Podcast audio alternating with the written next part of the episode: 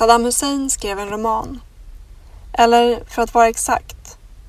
För drygt 20 år sedan publicerades en roman som tillskrevs Saddam Hussein. Förmodligen författad av en spökskrivare. I Ali Darwish debutdiktsamling Saddam Husseins nya roman har den forne diktatorn slagit sig ner vid det metaforiska skrivbordet igen. Angelägen om att författaren Ali ska ge honom respons på manuset. Citat. Han tar tacksamt emot feedback och kritik. Slutcitat. Skriver Dervish. Med en lågmäld deadpan-humor som återkommer boken igenom. Men Dervish är mer intresserad av Husseins rättegång och huruvida diktatorn citat, var en rättvis man eller inte. Slutcitat. Spoiler alert, det var han inte. Saddam Hussein styrde med citat skräck och rädsla. Slutcitat. Själv fruktade han inget förutom Gud.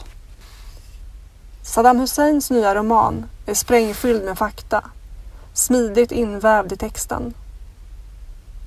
Det är förunderligt att det går att integrera så mycket ren information i en diktsamling utan att läsningen tyngs ned. Dervishs lätta, flödande språk och samlingens skickliga komposition låter mig ta del av lektion efter lektion i historia och samhällskunskap utan att det någonsin känns ansträngande eller forcerat. Framför allt är texten oupphörligt angelägen, oupphörligt brännande. Citat. Om varje människa är en värld, hur många världar har då utplånats? Slutcitat. Frågar sig Dervish och låter läsaren snudda vid närmast ofattbar förlust. Såväl kollektiv som individuell. Diktjaget, författaren Ali, tänker. Han tänker citat på fäder och deras arv, slutcitat. Han tänker citat på blod igen, slutcitat. Han tänker på citat vad en människa är, vad ett liv är. Slutcitat. Så många meningar inleds med jag tänker att jag inte kan låta bli att associera till skrivskoleklassikern I remember av Joe Bernard. Där författaren låter minnena flöda, frammanad av den återkommande frasen jag minns. Men minnet är inte bara något författaren frammanar med vilje. Det är i lika hög grad något som tränger sig på, ovälkommet. Citat. Jag kan inte sluta tänka på när jag tvingades titta på de tortyrfilmer som släpptes efter invasionen. Filmer som visades på TV. Jag ville inte, men tittade ändå. Jag kanske skulle lära mig något. Jag kanske skulle gå miste om något om jag blundade. Slutcitat. Ibland går Dervish ännu närmre, blir mer konkret. Bilderna han målar upp är brutala, effektiva utan att vara effektsökande. Citat. Men i det stora rummet, förhörsrummet eller tortyrkammaren, häller förövaren svavel på din tunga och använder din kropp som askfat. Vänder dig ut och in. Slutcitat. Då och då öppnar Dervish en parentes. Ibland för att berätta en anekdot eller dra ett underligt galghumoristiskt långrandigt skämt Ibland för att flika in ett stycke information som motsäger eller nyanserar det som nyss sagts. I en av parenteserna beskriver Dervish hur Saddam Hussein läste Dostojevskij i väntan på att avrättas och att han uppges ha kallat den store ryssen för citat en otrolig människokännare. Slutcitat. Ord som Dervish själv återanvänder för att beskriva Hussein som utnyttjade sin människokännedom för att manipulera sin omgivning citat. Det geniala sociala spelet var ett sista S i hans skräddarsydda ärm. Slutcitat. Först uppfattar jag parenteserna som fönster Dervish slår upp i texten för att släppa in lite luft. Citat. I parentesens mjuka våld och välvda väggar får jag sväva och skriva fritt. Slutcitat. Men parenteserna blir allt mer klaustrofobiska och framstår i högre grad som platser för ren koncentrerad smärta. Citat. Jag tänker på min mor. Slut citat. Skriver Dervish. Och det är som att orden tar spjärn mot parentesens väggar. När Dervish skriver om Saddam Husseins favoriträtt, maskouf, En kulinarisk preferens han delar med författaren. Om diktatorns dallrande mage eller basilskräck tolkar jag det inte som att Dervish försöker humanisera Hussein. Snarare försöker han oskadliggöra honom genom att blotta hans mänsklighet. Citat. Jag tänker att Saddam är en människa så som en människa är en människa. Oironisk och fragil. Slutcitat. Ungefär på samma sätt uppfattar jag Dervishs förkärlek för ordlekar. Jag får inte känslan av att han försöker vara rolig eller ens lekfull. Snarare handlar det om att försöka synliggöra någonting för sig själv i lika hög grad som för läsaren. Hussein kallas för en citat sumerisk summarisk avrättare, slutcitat. Och likheterna mellan orden protest och protes, dikt och diktatur, diktator och diktare avhandlas. Dervish leker med rädslans semantiska beståndsdelar, som om han jonglerade med en granat. En bit in i texten dyker Samir upp, som en citat långsam blixt, slutcitat. Enligt bokens baksidestext är han en vän av det fiktiva slaget, skapad för att hjälpa författaren att citat stå ut med att möta denna fruktade diktator. Slut citat. Samir är någon att rikta rösten till, någon som orkar lyssna och ta emot. Citat. En portal i en dikt om krig och massgravar. slut citat. Samir må vara ett litterärt grepp snarare än en människa. Men sällan har en låtsaskompis varit så full av kött och blod. Citat. Ur kärlek föddes du, Samir.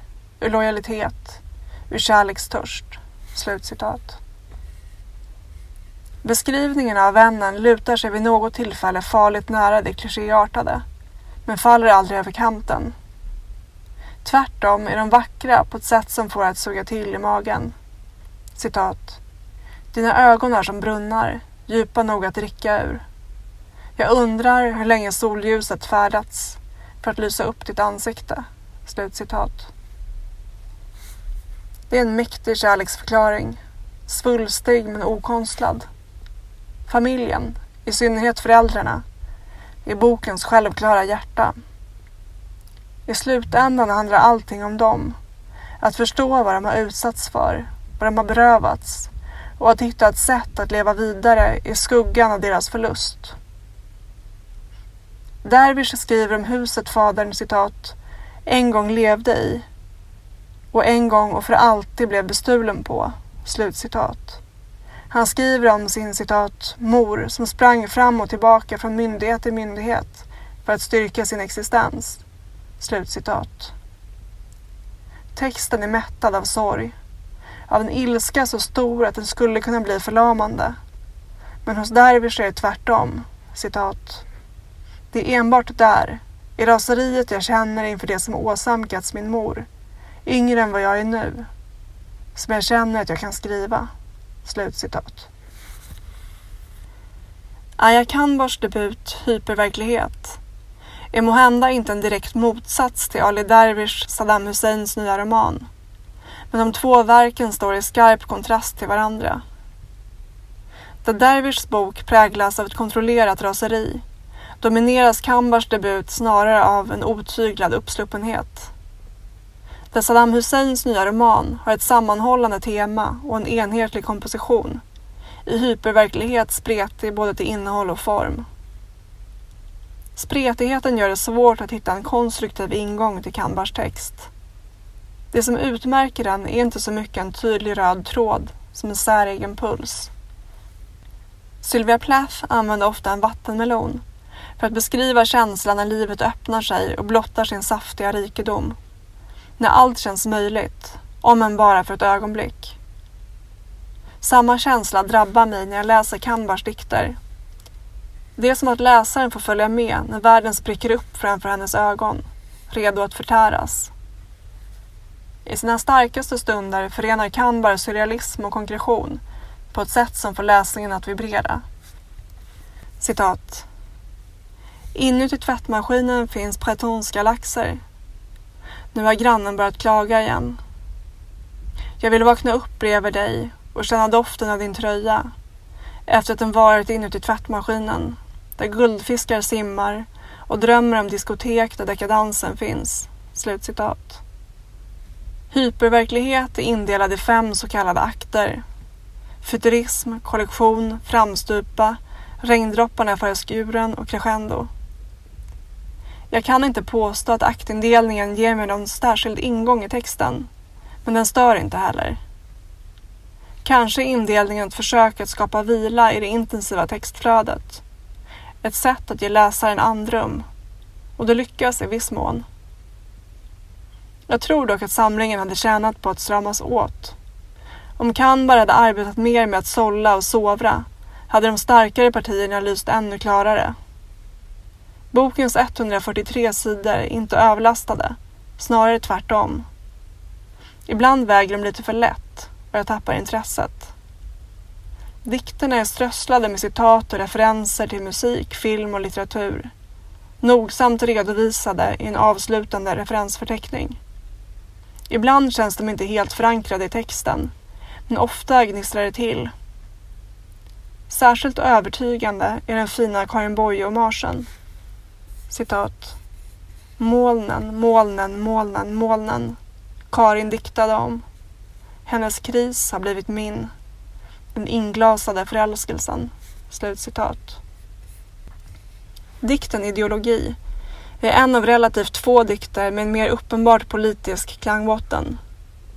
I tempo och vokabulär påminner den starkt om en Kent-låt, vilket alls inte är menat som en förolämpning. Men utan musikens balanserande funktion och Jocke Bergs genuina svårmod tangerar den det banala. Citat. Smärtan skriker från din hals medan du får en identitet. Klaga på klassamhället tills du dör. Tills makten blir lavendel du långsamt spyr upp. Slutcitat. Det fungerar bättre när Kambar är mer konkret och verklighetsnära i sin samhällskritik. Vid ett par tillfällen uppehåller hon sig vid frågor om ursprung och rasifiering. Vid att bli citat profilerad på bussen, slutcitat, trots en vokabulär som citat följer lagen, slutcitat. En citat ensam fråga. Är jag en samhällsdebatt? Slutcitat. Frågar Kambar. Med en formulering som tack vare sitt återhållna patos blir direkt och drabbande. Den underfundiga, lite torra humorn i annons för tankarna till Kristina Lugn. Citat. Söker en passionerad person, gärna intresserad av katter. Och känslan man får på en parkeringsplats sent på kvällen. Kontakta snarast. Slutcitat. Även om dikten saknar Lunds svärta så finns det ett välgörande stråk av melankoli. Humorn återkommer även i Pengatvätt med kombinationer. En absurd vild berättelse om pengar och prostitution. Citat. Åh, vad ska man göra med dessa nya pengar? En dyr kexchoklad. Jag ger den till glädjeflickan med hemofili. Jag kan koagulera dig, säger jag. Men hon tackar nej. Slutcitat. Dikten präglas av en ömsint medmänsklighet och trots det skruvade innehållet känns skildringen på något underligt sätt jordnära. Jag hade önskat att Kanbar vågade lämna texten lite mer öppen. Att hon motstod frestelsen att knyta ihop säcken och förtydliga. Citat. Man glömmer nästan bort att hennes revben är krossade. Men bara nästan. Slutcitat. Jag hade gärna sluppit den avslutande radens övertydlighet och istället fått landa i den brutala bilden av citat glädjeflickans slutcitat